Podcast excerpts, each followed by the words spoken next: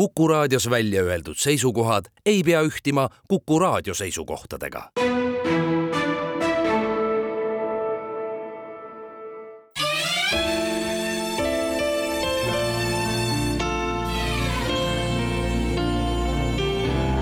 nädala raamat. Jukka Tarka, Karu käpa all. Postimehe kirjastuselt ilusat uut suvenädalat, head kuulajad! meie nädalaraamatu rubriigis laotub järgnevateks päevadeks teie kõrvade ja soovi korral juba ka silmade ette meie põhjanaabrite lähiajalugu. üks ütlemata oluline, märgiline, palju kõneainet ja ka väga vastakaid arvamusi tekitanud periood teise maailmasõja lõpust kuni raudse eesriide ja Nõukogude Liidu lagunemiseni tuhande üheksasaja üheksakümnendal aastal see periood laotub meie lugejate ette suuresti siis tänu Postimehe fondi toel Postimehe kirjastuse välja antud raamatule, mis esmakordselt nägi trükivalgust muide juba aastal kaks tuhat kaksteist.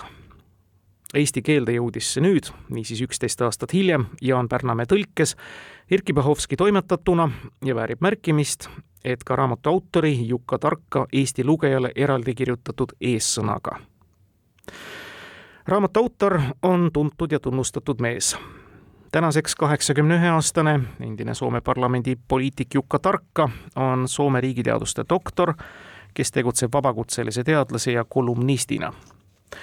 ta on kirjutanud või koostanud paarkümmend raamatut, millest enamik käsitleb Soome sõjajärgse perioodi ajalugu.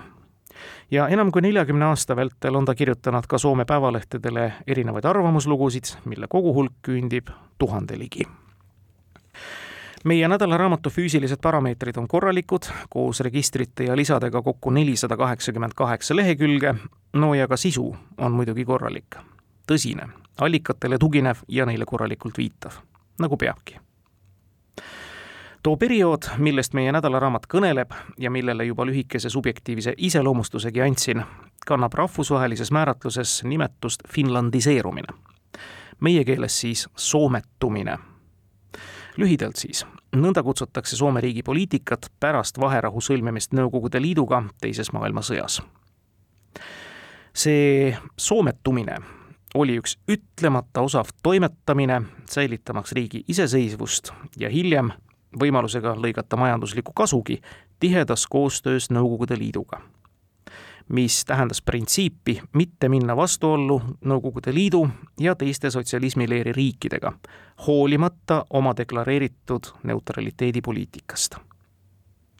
ja võib vaid ette kujutada, kui keeruline see diplomaatiliselt võis olla iseäranis esimestel aastatel pärast teist maailmasõda, kui riik oli kaotanud talve- ja jätkusõjas märkimisväärseid territooriume oma agressorist idanaabrile, kellega pealegi nii pikk ühine piir oli ja on siiani riigile, kellele tuli justkui sõjasüüdlasena maksta väga raskeid reparatsioone ja see kõik söödavaks teha oma riigi elanikele, kelledest paljud olid just relv käes vihatud rüsse vastu sõjas võidelnud.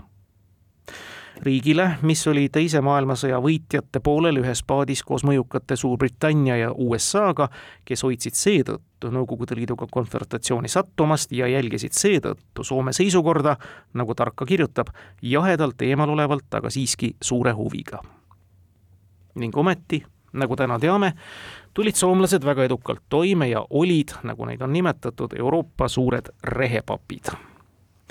ja kuidas see noaserval kõnd ikkagi õnnestus, miks suhtlesid Soome poliitikud Nõukogude Liidu ja hiljem ka Venemaa poliitikutega kuni Ukraina sõja alguseni, nii nagu nad seda tegid, Juka Tarka raamat meile läbi arvukate näidete selgitabki. ja mitte ainult seda vaid ka kõiki just neid kõhklusi ning ka soomlaste eluolu tolle poliitika keskel, mis mõneti oli ka skisofreeniline. või oleks õigem öelda paralleelmaailmas elamine, sest üsna mitu põlvkonda soomlasi õppis elama teadmises, et tulenevalt riigi ametlikust poliitikast polnud mingitest asjadest näiteks kombekas kõnelda ja need mitmed asjad olid siis suuresti kriitika Nõukogude Liidu aadressil, laveerimine üsna mitmes küsimuses, mis pingestas ka päris lihtinimeste omavahelisi suhteid ja nõnda edasi. ning sama laveerimine ka rahvusvahelisel tasandil, kuidas Soome pidi näitama raudse eesriide taha läänele palet, et piltlikult öeldes ei olda Nõukogude Liiduga ikka nii suured sõbrad, kui ollakse, samas kui seda ikkagi oldi. ja nagu on tagantjärele näha, tuldi sellega ka toime muidugi, eks täna kahe tuhande kahekümne kolmandal aastal ehk Ukraina sõjaaegu on seda raamatut hoopis teine asi käes hoida, kui seda võis olla aastal kaks tuhat kaksteist. täna me juba teame, et käpa tõstnud ja Ukrainat ka väga tõsiselt rünnanud karu on Soome selle käpa alt juba jooksu lasknud. meie põhjanaaber on NATO seni värskeim, kolmekümne esimene liikmesriik ja ilmselgelt me enam tema neutraliteedist, ka näilisest mitte, rääkida ei saa Jukka Tarka kirjutab oma eessõnas just tutvustatavale trükile, et kui see raamat ilmus, oli lähtekohaks Soome külma sõja aegse poliitika ajaloo uurimine. püüan selgitada ilminguid, mis mõjutasid seda, et Kremli ees lipitsevat poliitikat peeti veel külma sõja lõpuski Soome vaatekohalt arukaks ja möödapääsmatuks, kuigi see ei olnud meeldiv, kirjutab ta. soometumise periood ei kujutanud endast siiski üksnes oportunismi selles leidus kahetsusväärse pugemise kõrval ka läbimõeldud katsetusi ja kordaminekuid. soometunud pinna all oli võimalik edendada ka rahvuslikke huve nõnda, et Kremlis seda alati isegi ei märgatud, kirjutab Tarka märkimisväärse uhkusnoodiga.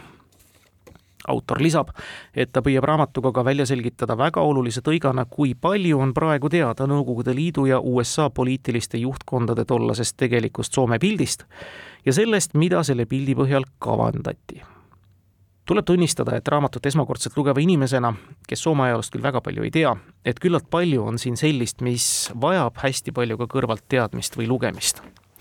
hägusa eelteadmisega, et umbes nõnda Soome tõesti ligemale poole sajandi vältel käitus ja riigina oli, ei pruugi raamatut kohe läbi närida hea oleks teada ja õnneks kannab selle eest ka hoolt eessõnas näiteks Erkki Bahovski, et kogu soometumise poliitika kandvaks karkassiks oli ÜÜA leping, mis vist hääldub nõnda, sest kirjapildis on ta igal juhul YYA leping, mille siis kaks riiki sõlmisid omavahel aastal tuhat üheksasada nelikümmend kaheksa see oli siis ametlikult sõpruse, koostöö ja vastastikuse abistamise leping.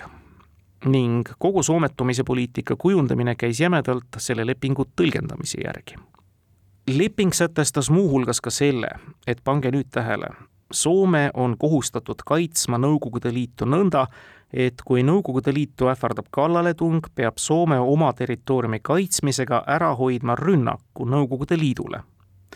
Nõukogude Liit võib aga ohu korral alustada sõjalisi konsultatsioone Soomega, et põhimõtteliselt võis see soomlaste tõlgenduses tähendada Nõukogude sõjaväebaaside rajamist Soome nõnda siis seisiski Soome poliitikute ees ülesannet tõestada pidevalt Moskvale, et Soome suudab ennast ise kaitsta, mis tähendas ka armee korralikku ülesehitust ehk teiste sõnadega muutus olukord eneseirooniliseks, nagu Erki kirjutab.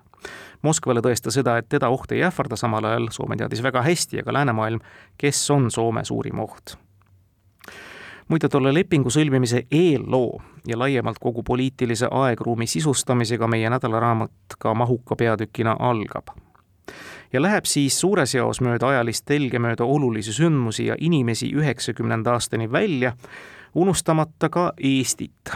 Sel all siis ametliku nimetusega Eesti NSV-d, kellesse suhtumine muide oli siis soomlastele tolle soometumise poliitika juures vaata et lakmuspaberiks. Ühtepidi nagu vennasrahvad, kelle esindajad on käinud ka üksteise võidu naaberriikides üksteise vabaduse eest võitlemas, teisalt aga ikka see soov mitte ärritada Moskvat, näitamaks ja tõestamaks neile meie riigi okupatsiooni all olemist. samas president Urho Kaleva Kekkose legendaarne tuhande üheksasaja kuuekümne neljanda aasta visiit Eestisse ja teisalt jällegi tänaseks üsna hästi teada president Mauno Koivisto, ikka väga ettevaatlik, et mitte öelda eitav suhtumine Balti riikide iseseisvuspüüdlustesse. Nendest mõlemast muide on Juka Tarka võtnud meie nädalaraamatusse ka põhjalikult kirjutada millesse niisiis lähemate päevade jooksul noppeliselt ka süüvime. head nädalaraamatu kuulajad, oleme jätkuvalt sirvimas Soome ajaloolase, publitsisti ja ka endise Eduskunta saadiku Jukka Tarka raamatut Karu käpa all, mis räägib Soome riigi olemisest ja peaasjalikult suhetest Nõukogude Liidu ja muu maailmaga. ehk siis soometumise või finlandiseerumise perioodist raamatu toimetaja ja selle perioodi ja Soome väga hea tundja Erkki Bahovski olen palunud nüüd stuudiosse tutvustamaks seda raamatut ka vähe asjatundlikumalt, kui seda saatejuht ehk oskab esimese lugemise põhjal, tere Erkki! tere päevast! käisin välja esimeses osas ja tutvustavas osas sellise mõiste, et soomlased olid tol perioodil tegelikult iseäranis selle alguses kui Euroopa rehepapid, kes oskasid sellest finlandiseerumisest ja kõigist nendest suhetest päris korralikult välja vingerdada ja kasudega välja tulla. kas see nii-öelda pädeks sinu hinnangul ka? noh, selles plaanis pädeks, et, et et Soome oli ainulaadses olukorras ja ühtegi sellist poliitilist vormelit või, või valemit võtta neil ei olnud. ja nad jäid ellu, see, seda kindlasti jah. edaspidi muidugi ma nüüd nii kindel ei ole, et Soome võitis, et Juka-Tarka toob seal ikkagi välja ka seda, et et Soome ju kaotas ja, ja kui see soometumise kurss oleks kaldunud võib-olla mingis suunas veel, siis oleks Soome ühiskond kadunud või noh, muutunud täiesti Nõukogude Liit, Liidu poolt kontrollitavaks. aga, aga Soome tegi, mis suutis ja nagu Jukka Tarka ütleb, Soomel oli õnne, et, et jah, nii, nii võite kui kaotusi oli selles poliitikas no põhiline, et jäädi rahvana kestma ja suudeti siis nii-öelda ka oma kaitset skisofreenilisel moel, nagu sa isegi välja tood, äh, suurendada oma sõjaväge nii palju, kui seda leping nõudis, nii-öelda kaitset NSV Liitu ähvardavate ohtudest. jaa, noh, see oligi see skisofreenia, et, et äh, see ÜÜA leping Nõukogude Liiduga rääkis ju sellest, et Soome ja Nõukogude Liit äh, peavad tõrjuma ühist vaenlast ja seetõttu peab Soome olema suuteline kaitsma enda territooriumi, aga kõik Soomes muidugi said aru, et kes see vaenlane tegelikult on ja miks seda sõjaväge on vaja suurendada. ja seda sõjaväge tuli siis suurendada niimoodi, et see ei rikuks Pariisi rahulepingu sätteid, et seal seda sõjaväge ei saanud suurendada igatemoodi vaid seal tuli järgida mingisuguseid kindlaid nõudmeid, Soomel ei tohtinud olla näiteks allveelaevastikku ja nii edasi ja nii edasi, aga Soome kaitsevägi oli kindlasti tegur miks äh, Nõukogude Liit äh, ei saanud Soomes pedaali põhja vajutada, noh kui me võrdleme siin näiteks teiste, mitte teiste, aga, aga sotsialismileeri maadega, siis, äh, siis seal oli ikkagi ju tugev argument oli see, et seal kohapeal oli Punaarmee, Soomes seda ei olnud üks printsiip, mis raamatus kordub ja Tarka selle välja kirjutab, on siis äh, too ärev hetk, kui Nõukogude Liit kutsus endale sõbralikke riike, sealhulgas ka Soomet Moskvasse, noh, kuidas see oli siis julgeolekuteemalisel nii-öelda arutelul, see oli nüüd see koht, kus Soomest võinuks saada Varssavi pakti liige. aga kuidagimoodi oskas Paasikivi selle nii hästi ja elegantselt äh, koos abilistega ära sõnastada nõndaviisi, et sellest sai selline jah, aga printsiip, millest lähtus ju siis Soome oma kursil edaspidi nii-öelda riigikaitsevõimet suurendades jah, no see oli see ÜÜA leping jaa, aga ma mõtlen, et pärast seda, kui veel noh, ÜÜ leping oli juba kehtivas ja siis äh, Soome sai kutse vist jah, julgeolekukonverentsile Moskvas ja, ja siis, kuidas ta nagu Varssavi pakti riiki temast ei saanud. ja, ja noh, see, see muster kordus kogu aeg äh, läbi külma sõja, et äh, ka, ka noodikriisiga tuhat üheksasada kuuskümmend üks kui Nõukogude Liit ähvardas Soomega alustada sõjalisi konsultatsioone, mis lõppkokkuvõttes oleks võinud viia siis Nõukogude baasideni Soomes.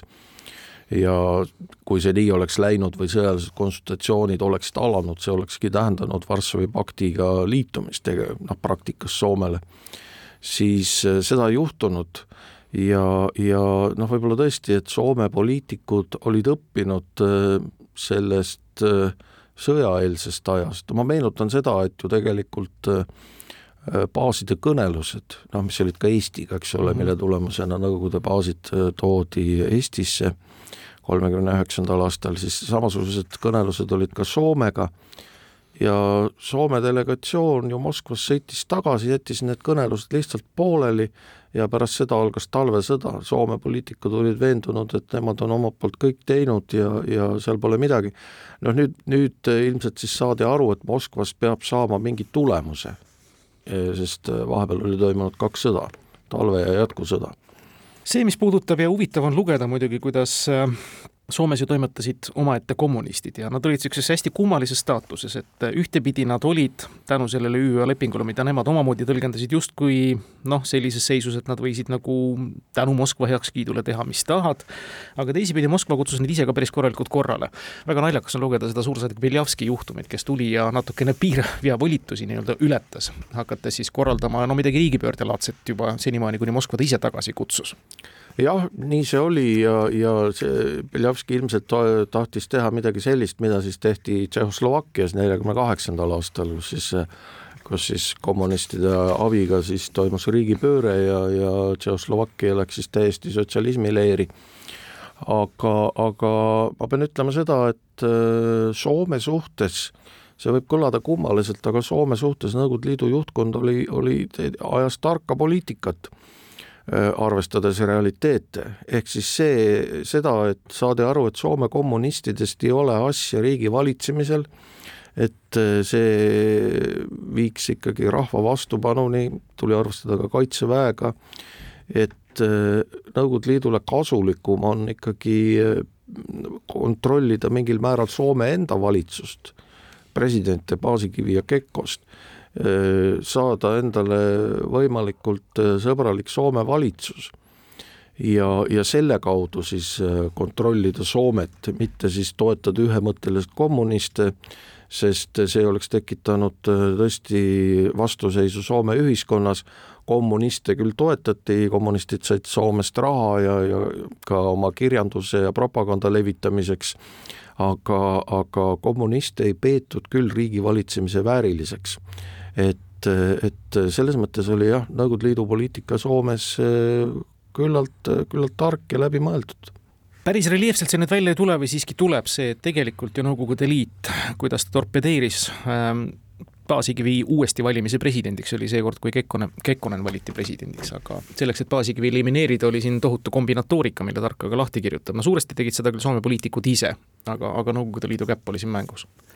jah, ja noh, Kekkonen äh noh, Paasikivi ise ju pidas ka Kekkost oma kõige tõenäolisemaks järglaseks, äh, nii et selles mõttes teatud määral oli Paasikivi enda õnnistus ka olemas, aga Nõukogude Liit jah, pidas nüüd Kekost paremaks kandidaadiks ja, ja, ja võib-olla tagantjärele tarkusena võib ju öelda, et äh, Nõukogude Liidul oligi õigus, sest kui tulid välja need Paasikivi päevikud, kus Paasikivi ju tegelikult kirjutas, et noh, see Nõukogude Liiduga äh, sõbralik poliitika on ainult niisugune nagu näo päästmine või, või niisugune ilus fassaad, et noh, tegelikult ju Nõukogude Liit on ikkagi mitte suur sõber meile ja ja nii edasi, aga noh, see kõik oli kaheksakümnendatel, siis eh, võib-olla Nõukogude Liit sai ka aru, et ega Paasikivi ei ole nagu väga hea presidendikandidaat eh, tulevikus, noh, see on oletus muidugi.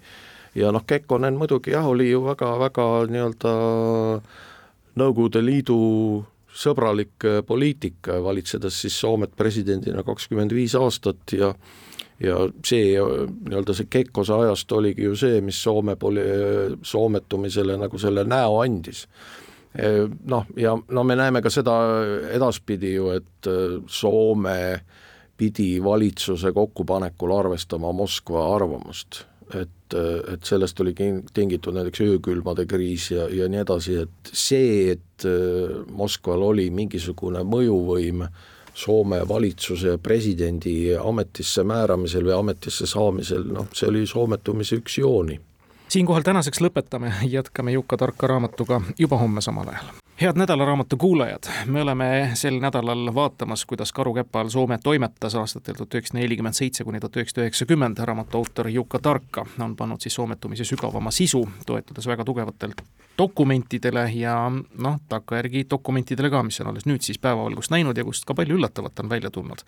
koos Erkki Pahovskiga, raamatu toimetajaga, Soome ajaloo ja soometumise perioodi väga hea tundjaga oleme seda vestlust jätkamas üks huvitav asi, mille toob Jukka-Tarka välja, on Stockholmi sündroom. soomlastel selle soometumise perioodi jooksul, kus tõepoolest kasvas juba peale see põlvkond seitsmekümnendatel neid soomlasi, kes isegi mitte noh, no meelega nagu ei rääkinud, kartmaks pahandada siis Nõukogude Liitu ebameeldivatest asjadest, vaid, vaid ei teadnudki nendest asjadest rääkida, ehk põhimõtteliselt hakkas nii-öelda oma anastajat või nii-öelda käpa all hoidjat nagu armastama.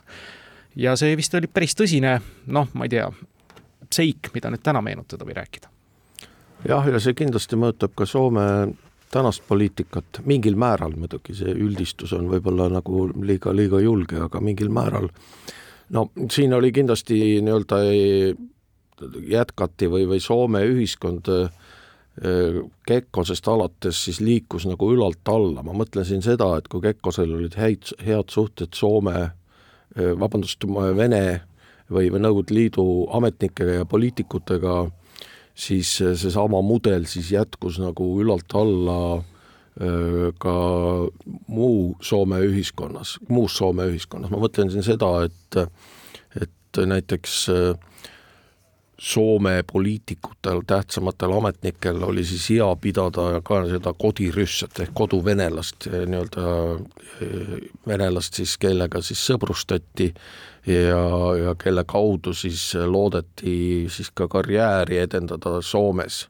et kui sul ei olnud seda kodirüssat, siis võib-olla see karjäär nii kiiresti ei olnud ja siis noh, see nii-öelda see Soome soometumise inetu joon oligi see, et karjääri tuli teha siis niimoodi, et tuli laulda Hosiannat Nõukogude Liidule ja tuli pidada kodirüssat. et noh, me teame seda ju ise ka, eks ole, et ju meil oli Nõukogude okupatsioon ja tegelikult samamoodi, et mida aktiivsem kommunist sa olid ja, ja mida rohkem sa kiidulaulu NLKP-le laulsid, noh, sa võisid arvestada sellega, et sinu karjääri see kindlasti aitas, et Soomes oli see kindlasti pehmemal moel, aga ta oli olemas. Urho Kalava Kekkonen loomulikult saab kõige rohkem tähelepanu siin, kuivõrd tema selle soometumise nii-öelda ühe sümbolina on siin suuresti ajalukku läinud, teisipidi ei saa vist ka Juka Tarka päris lõpuni aru ja, ja tema lähedasedki ei ole päris lõpuni aru saanud, mis mees ta siis tegelikult oli. ühtepidi nagu arvatakse, et president väga kartis venelasi, eriti nende irratsionaalseid äh, reaktsioone, teisipidi Kekkose päevikus seda nagu välja ei loe. kuskilt tuleb välja, et Kekkonen ei tundnud tegelikult üldse sümpaatiat nii-öelda lääneliku mm, isiksuse kesksesse äh, poliitikasse ja selle suhtumise peale, teisipidi ta jagas mingisuguseid mõtteid, et kolmas maailmasõda on lähedal aastal. et mis asja ta siis täpselt toimetas ja, ja kui palju ta nii-öelda tegelikult sellest soometumise poliitikast teistest sõltus ja, ja no otse küsides ja, ja labaseltki küsides, kui reaalne Moskva käpiknukk ta siis reeglikult oli? no selle üle on Soomes ju endas ka lõputult vaieldud ja on ilmunud ju mitu Kekkose elulugu ja, ja ühe nurga pealt ja teise nurga pealt ja täpset vastust ei olegi võib-olla no ma ei, ja, ja tõepoolest on väidetud, et äh, Kekkonen oli KGB agent, äh, noh, see väide muidugi liiast. ja ma ei usu ka, et Kekkonen oli äh, Moskva hüpiknukk, et, et Kekkonen oli kindlasti selline väga autoritaarne, tema kaudu ta pidas ennast võib-olla selliseks Soome rahva päästjaks ja tema kaudu käis siis kogu Moskva poliitika, kõiki tähtsamaid otsuseid ei saanud äh, Venemaa või Nõukogude Liidu suhtes teha ilma Kekkose loata äh, ja, ja noh, selles mõttes ta koondas enda kätte välispoliitiliselt väga tugeva võimu. aga et ta oleks olnud Moskva käpiknukk, no, no vaevalt. Kekkonen ju ikkagi Soome ju üritas läheneda ka läänele, see sai võib-olla sellise tugevama hoo Mauno Koivisto ajal, aga aga Soome poliitika oli ikkagi selline, et et ja see oli jälle selline skisofreeniline, et et ÜÜA leping ju tegelikult äh, tähendas seda, et Soome ei olnud neutraalne. aga läänele müüs Soome ennast kui neutraalset riiki ja üritas siis äh, noh, ühineda igasuguste lääne organisatsioonidega samamoodi, et see oli, seda ei oleks saanud toimuda ilma Kekkose loata sest äh, samamoodi nagu Moskva poliitika oli ka lääne poliitika Kekkose käes, et see, see mudel, eks ole, kus praegu noh, presidendil on ka välispoliitikas sõna öelda, aga noh, suurem osa läheb ikkagi peaministri pädevusse, seda mudelit ju ei olnud toona, et see kõik ajas ikkagi Kekkonen ja ja no mina ei julge öelda, et, et ta oleks olnud käpiknukk, võib-olla, võib-olla ta, see tema poliitika ajamise viis, kuidas ta siis tõesti pidas neid saunakõnelusi KGB-ga ja nii edasi, see oli, see oli noh, veidi iseäralik, aga me peame meenutama ka teist poolt, seda, et, et Nõukogude Liidu poliitika Soome suhtes ei olnud tavaline välispoliitika, neid äh, suhteid ei aetud tavaliste äh, kanalite kaudu, ma pean siin silmas äh, Välisministeeriumi ja, ja diplomaate. Soomes ajas tegelikult seda Nõukogude Liidu poliitikat KGB resident ja, ja see siis tingis selle, et Kekkonen pidas neid kõnelusi KGB-ga ja siit on siis noh, arvatud seda, et et Kekkonen oli KGB agent ja mehkeldas nagu Nõukogude Liidu luurega, aga noh, tegelikult oli see, et see KGB oligi Nõukogude Liidu välispoliitika osa Soomes räägime kultuuripoliitikast ka ja, ja seal võib-olla avaldusid küll need nii-öelda Moskva poole kummardumisjooned kohe eriti välja. võtab siis kirjutada meil Juka Tark uus vasakpoolsete kultuurirevolutsioonist seitsmekümnendatel ja toob mängu sellise mõiste, no tegelikult see mõiste tuleb juba varem välja, on siis nagu taistoism ja taistolased, need on siis nüüd need kommunistid. jah, no need on need tõesti need äh, äärmuskommunistid ja nende liider oli siis Taisto Sinisalu ja selle järgi see nimi on tulnud, äh, taistolased ja, ja nemad olid siis, äh, nemad olid siis tõesti sellised tõsiusklikud.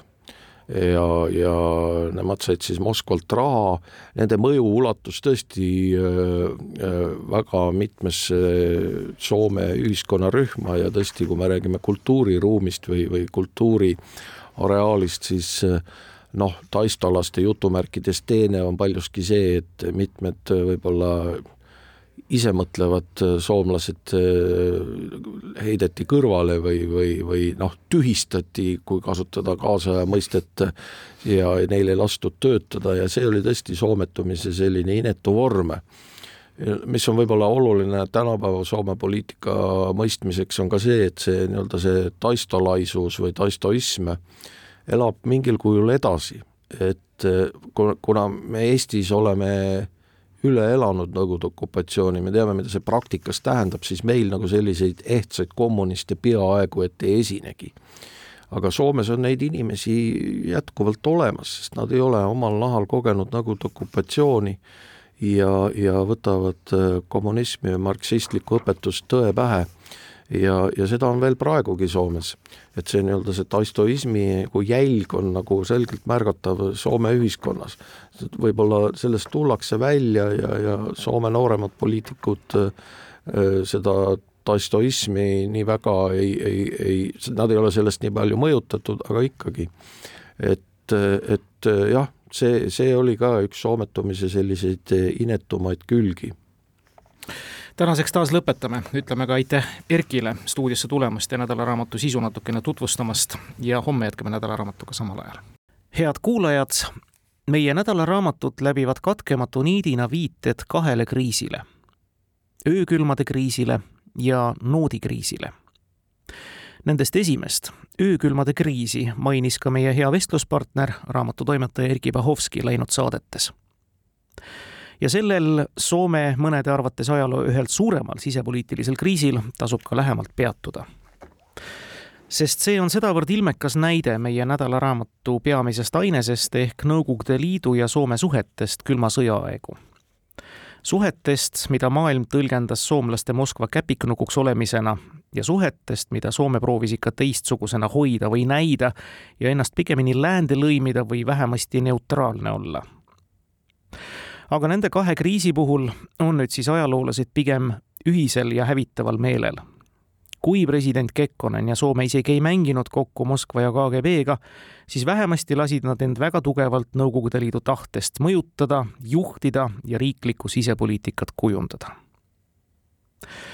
öökülmade kriisiks nimetatakse Soome ajaloos tuhande üheksasaja viiekümne kaheksanda aasta valimiste järel kujunenud sisepoliitilist kriisi Moskvale meelepärasest mehest ja mõnede arvates ka Moskva abiga võimule aidatud Urho Kaleva Kekkonenist oli saanud tuhande üheksasaja viiekümne kuuendal aastal Soome president. ja tolle presidendiks saamise ja viiekümne kaheksanda aasta suvel toimunud valimiste vahele jäänud lühikese perioodi vältel jõudis Soomes vahetuda valitsus neli korda sest sisepoliitiline olukord oli sedavõrd kaootiline ja ka riigi majandusolud polnud kiita. majandus oli languses ja Soome tööpuudus oli rekordiliselt suur suursoosikuna valimistele läinud Soome Sotsiaaldemokraatlik Erakond eesotsas poliitveterani ja mitmekordse peaministri Karl August Fagerholmiga oli president Kekkosega väga teravas vastasseisus. Ja need kaks ei varjanudki oma vastumeelsust üksteise suhtes. Sotsiaaldemokraadid tülitsesid ka isekeskis ning parteist lahkusid ja moodustasid omaette seltskonna skogistid ehk endise kaitseministri Emil Skogi taha koondunud parteilased, kes asusid vankumatult Kekkose poolele ja nendes ebastabiilsetes oludes toimunud valimised võitis tegelikult väga tasavägises heitluses Soome Rahvademokraatlik Liiga ehk kommunistid. aga valitsust nad ei moodustanud, sest hoopis Fagerholm, napilt teise koha saanu, sai kokku koalitsiooni viiest erakonnast ja moodustas oma kolmanda valitsuse. ja siis hakkas juhtuma ja traagelniidid ka korralikult välja paistma. sest Fagerholm ja tema valitsuse koosseis olid Nõukogude Liidule vastuvõetamatud. Õigemini veel vastumeelsem oli Fagerholmi soov Kekkonen järgmistel kuuekümne teise aasta presidendivalimistel selgelt kukutada president Kekkosel ei jäänud seadusest tulenevalt muud üle, kui valitsus ametisse kinnitada, aga ta ei jätnud kasutamata juhust nimetada Fagerholmi ministrite nimekirja Soome ajaloo kõige halvemaks üldse. tõsi, seda seisukohavõttu ei märgitud valitsuse protokolli, küll aga märkis selle Kekkonen üles oma märkmetesse. Ja nüüd tsiteerin autorit juba valitsusläbirääkimiste ajal võis aimata, et taamal ähvardavad välispoliitilised probleemid ja need ilmnesidki kohe, kui valitsus oli oma tööd alustanud. Kremli tähtis sõnumitooja, saatkonna sekretär Viktor Vladimirov andis teada, et Nõukogude Liit suhtub Fagerholmi valitsusse selgelt, lõplikult ja järjekindlalt negatiivselt. Ta teatas, et tema riik hakkab seda valitsust passiivselt vastustama, kuid konkreetsetes küsimustes võib passiivne hoiak muutuda ka aktiivseks Vladimirovi reaktsioon tõi välja, et Nõukogude Liidu huviorbiidis ei olnud mitte niivõrd Soome poliitika, vaid soov kindlustada Kekkose püsimine võimul. soomlastele hakati õpetust jagama. NLKP Keskkomitee otsuses loetleti näiteks üles, millised Soomega parasjagu peetavad kõnelused katkestatakse ja määrati kindlaks teisedki meeleavalduslikku laadi žestid Helsingist minema kamandatud suursaadik Lebedevil näiteks keelati minna Välisministeeriumi diplomaatilise etiketi kohasele hüvastijätu audientsile, kuna seda võiduks pidada Fagerholmi toetamiseks. ja suursaadik ise lahkus ka Helsingist väga demonstratiivselt. Moskva kasutas kõiki esiti viisakaks, noh niivõrd-kuivõrd pidada võivaid vahendeid aktuaalse ja majanduslikult väga olulise Saimaa kanali kasutamisõigusesse puutuvad nõupidamised katkesid Soome lahe kalandusalast lepingut ei allkirjastatud. kaubanduskrediidi läbirääkimised kahe riigi vahel ei jõudnud alatagi. tehnilis-teadusliku koostöökomitee koosolek Moskvas lükati üllatuslikult edasi. soomlastel tekkisid raskused saada viisat. Ja need olid siiski vaid veel demonstratiivsed võtted. aga sügise lõpupoole, esimeste öökülmade aegu, viis Nõukogude Liit survestamise juba konkreetsele tasemele novembrikuus andis Moskva teada, et Nõukogude Liit ei saa soomlaste eksportkaupu vastu võtta. ja sellel oli majanduskriisi ja väga kõrge töötuse tasemega võitleva Soome jaoks selge tähendus. asi hakkas jõudma valitsuse poliitikast juba suuremate asjade tasandile, kirjutab Tarka mingi info kohaselt olevat juba aasta varem mõeldud Moskvas ÜÜA lepingu konsultatsioonide avamise hirmutamistaktikale, millega kindlustati Kekkose sisepoliitilist positsiooni, kirjutab autor raamatus.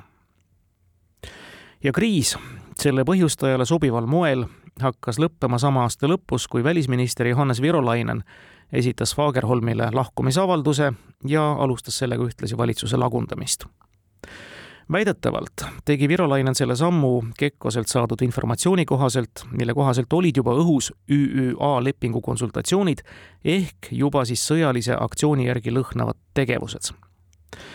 järjepanu hakkasid lahkuma teisedki ministrid. Fagerholm enam uut valitsust kokku ei saanudki ja uueks peaministriks vähemusvalitsuses sai Maaliidu juht Sukselainen. valitsusse said Kekkose mehed, kusjuures mitte kommunistid ja rahu oli mõneks ajaks majas see oli siis lühidalt selle kriisi sisu. tagantjärele on ilmunud hulk kirjutisi ja elulooraamatuid toonastelt Soome poliitikutelt, kes hindavad selle kriisi esimeseks esilekutsujaks ja kokkumängijaks just president Kekkost koostöös KGB-ga eriti veriselt ja raevukalt on toonaseid sündmusi meenutanud ja Kekkost maha teinud toonane Sotsiaaldemokraatliku Erakonna esimees Väino Tanner oma raamatutes ja teinud on seda teisedki poliitikud. No ega seal väga palju kaksipidi arvamist olegi sest Urho Kalavo Kekkonen tegi tõesti visiidi kriisiaegu Nõukogude Liitu ja soovis kohtumist Nikita Hruštšoviga, millega sai. ja nagu autor kirjutab, see kriis lõppes Hruštšovi värvikal lõunasöögikõnega. ta ütles, et probleemid tulenevad sellest, et härra Fagerholmi laia selja tagant paistavad vaenuliku parempoolse sotsiaaldemokraatide käed peasekretär meenutas, et Soomel on muidugi õigus ise oma valitsuse üle otsustada, aga Nõukogude Liidul on jälle õigus otsustada, mida Nõukogude Liit arvab Soome valitsusest. Kekkonen pakkus selle jutu peale ennast isiklikult Soome välispoliitika käendajaks. tagasiteel Leningradist dikteeris Kekkonen kriisi vallandanud põhjuste kohta selgitava raadiokõne mille peamiseks sõnumiks sai see, et Soomel ei ole vaja loobuda millestki rahvuslikust või ideoloogiliselt väärtuslikust. ja eluliselt vajalikud kaubandusläbirääkimised käivitusid üsna pea peale seda, kui Sukselaise valitsus oli alustanud ja peagi aeti asju jälle vana hea kombe kohaselt. aga selle kriisi vaimne järelmõju oli pikaaegne. Tarka kirjutab vähemalt tuhande üheksasaja seitsmekümnendate aastate lõpuni ei moodustatud ühtegi valitsust Soomes, ilma et oleks piieldud üle õla Tehtaan kadu tänaval asuva Vene suursaatkonna poole. tihti olid selle saatkonna esindajad vähemalt teoreetiliselt valitsusläbirääkimiste otsustavas faasis kohal justkui iseenesestmõistetava osapoolena. ja muide, nad ei esinenud üldse vaikivate kompanjonidena. nagu ka juba järgmisel, tuhande üheksasaja kuuekümne esimesel aastal lahvatanud noodikriisi juures. head kuulajad meie nädalaraamatu autor Jukka Tarka võtab Soome karukäpa all olemise perioodis üsna palju kirjutada ka Eestist, mis on igati loogiline ja mõistetav. Eesti oli ühtaegselt ja paradoksaalselt ju samuti karukäpa all ja seda isegi tugevamini kui Soome, aga teisipidi oli ta osa sellest karukäpast, mis Soomet enda embuses hoidis nagu jõudsime viidata, oli soomlastel seda keerulisem Eestiga suhestuda, et tegemist oli vennasrahvastega, kes üksteisele ajaloopöördelistel hetkedel nii palju tuge pakkusid. näiteks talve- ja jätkusõjas.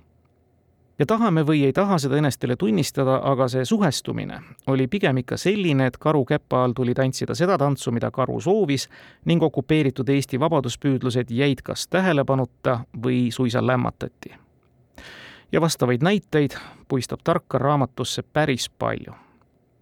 näiteks öökriiside aega Soome peaministriks saanud VJ Sukselaisele avaldati tuhande üheksasaja kuuekümne neljandal aastal survet oma juhitava erakonna ehk Maaliidu esimehe kohalt tagasiastumiseks. ja mis oli ta oponentide peamine argument? Sukselaise suhted väliseestlastega paar aastat varem. vastavaid etteheiteid tegi Matti Kekkonen, president Kekkose poeg tõsi, need etteheited luges ta maha Nikita Hruštšovi läkitusest. Peatükis, kus Tarka kirjutab Soome enesetsensuurist, saame teada, et muuhulgas kätkes see tsensuur Toronto eestlaste laulukoori esinemise keelamist Soomes.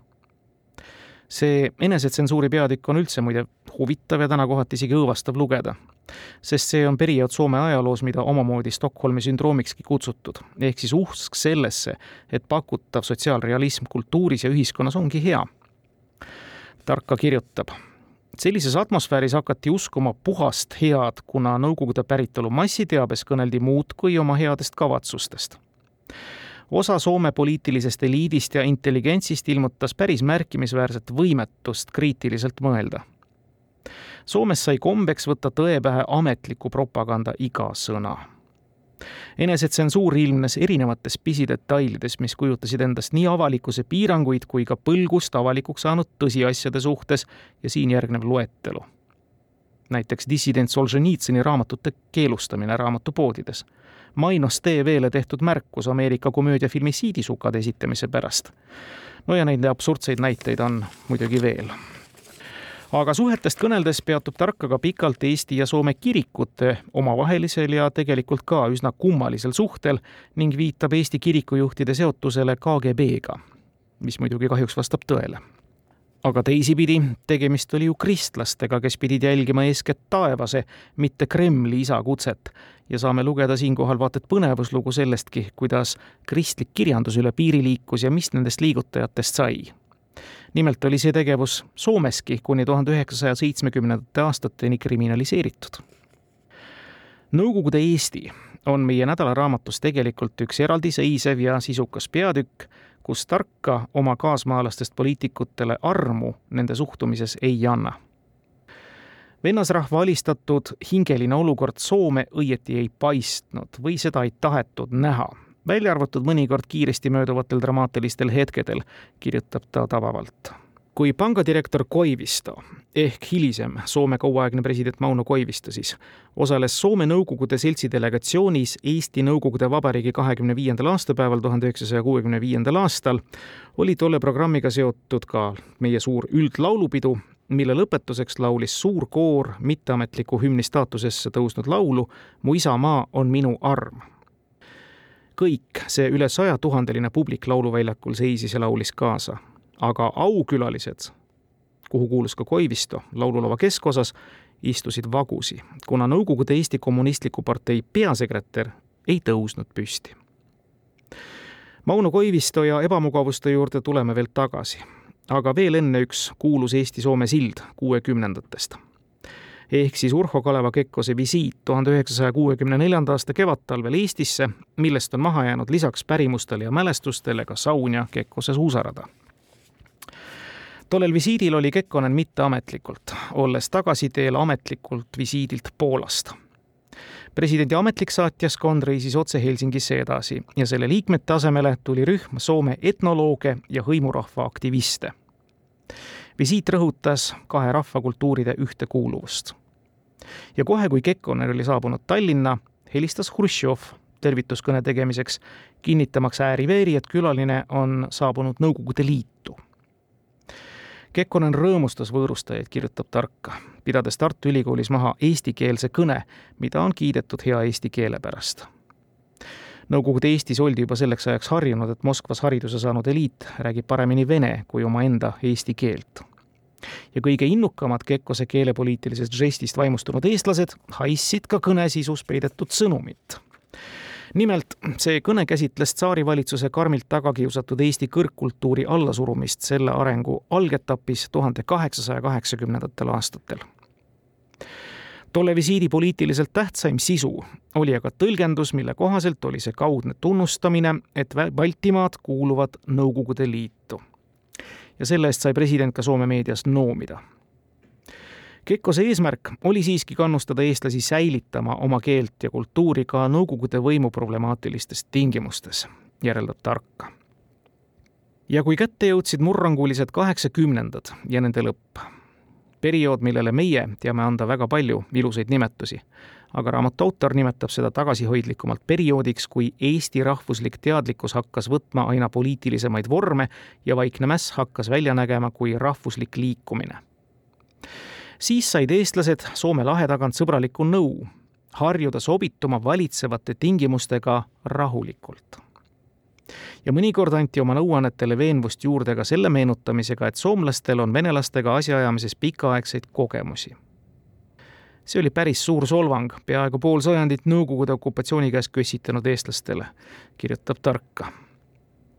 ja nüüd, tulles tagasi Mauno Koivisto juurde, lajatab raamatu autor halastamatult Koivisto nokauteeris Baltimaade iseseisvusmõtted veel oktoobri lõpuski tuhat üheksasada kaheksakümmend üheksa Gorbatšoviga peetud kõnelustel ta nimelt uskus perestroika õnnestumisse, mis oleks siis veelgi enam tugevdanud Nõukogude suurriigi positsiooni.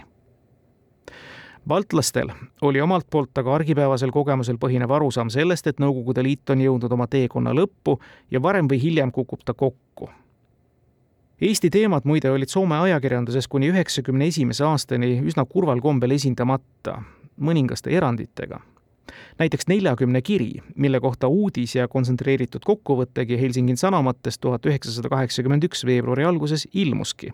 neli kuud hiljem aga siiski. samas vaikiti täielikult maha terve suur hulk muud ja olulist. aga mis nüüd Koivisto ettevaatusesse puutub, siis arvas ta tarka arusaamist mööda, et Nõukogude Liidu poliitiline teravus ja jõuvõtted võivad sundida Soomet Baltimaade suhtes samasse positsiooni, kui Rootsi oli talvesõja ajal Soome suhtes. ja sellepärast suhtus ta baltlaste iseseisvumispürgimustesse vastutulematult. tema kahtlev distantseeritus ei olnud muide erandlik fenomen Mihhail Gorbatšov oli lääne hinnangute järgi üks parim asi, mis Venemaal oli seitsmekümne aasta vältel juhtunud ja ei soovitud rikkuda seda idülli mingite tundmatute baltlaste tõttu seisab nädalaraamatus. Koivisto andis eestlastele teada, et temagi mõtleb läänega samas suunas. ta tuletas meelde, et Soome koostöö Eestiga saab toimuda ainult Moskvas heaks kiidetud viisil. Mauno Koivisto peamine eesmärk oli baltlaste maharahustamine, kirjutab autor halastamatult pärast Eesti suveräänsuse väljakuulutamist tuhande üheksasaja kaheksakümne kaheksandal aastal hakkas Koivisto tõsiselt muretsema kui uutmine Eestis õnnestub, siis võib sellest Soomelgi kasu olla, aga kui see ebaõnnestub, saaksime meiegi sellest hulle haavu, kirjutas ta. ja muidugi, sarnaselt Kekkosega oli ka tema mõjutatud Kremli tahtest. minister nõunik Karassjev andis tuhande üheksasaja kaheksakümne üheksanda aasta jaanuaris Koivistule üle Kremli soovi, et presidendi autoriteet mängiks tuntavat rolli nende negatiivsete ilmingute neutraliseerimisel.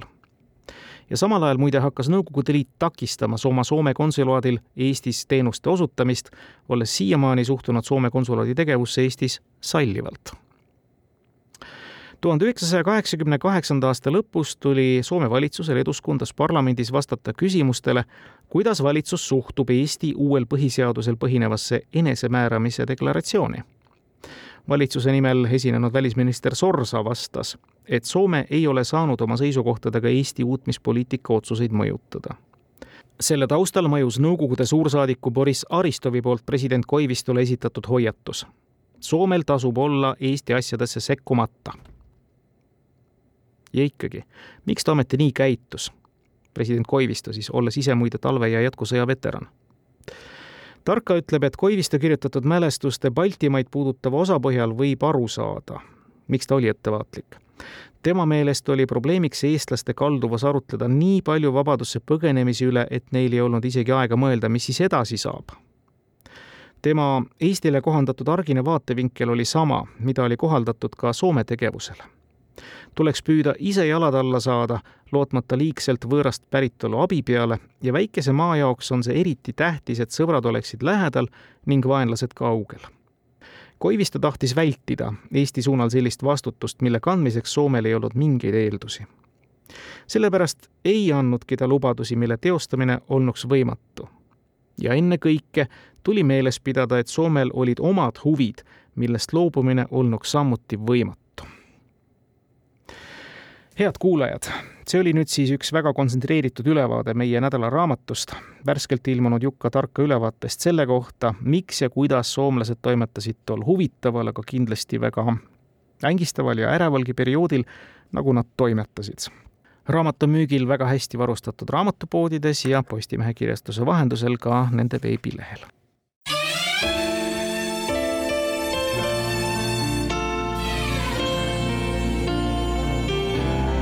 nädala raamat. Jukka Tarka Karu käpa all Postimehe kirjastuselt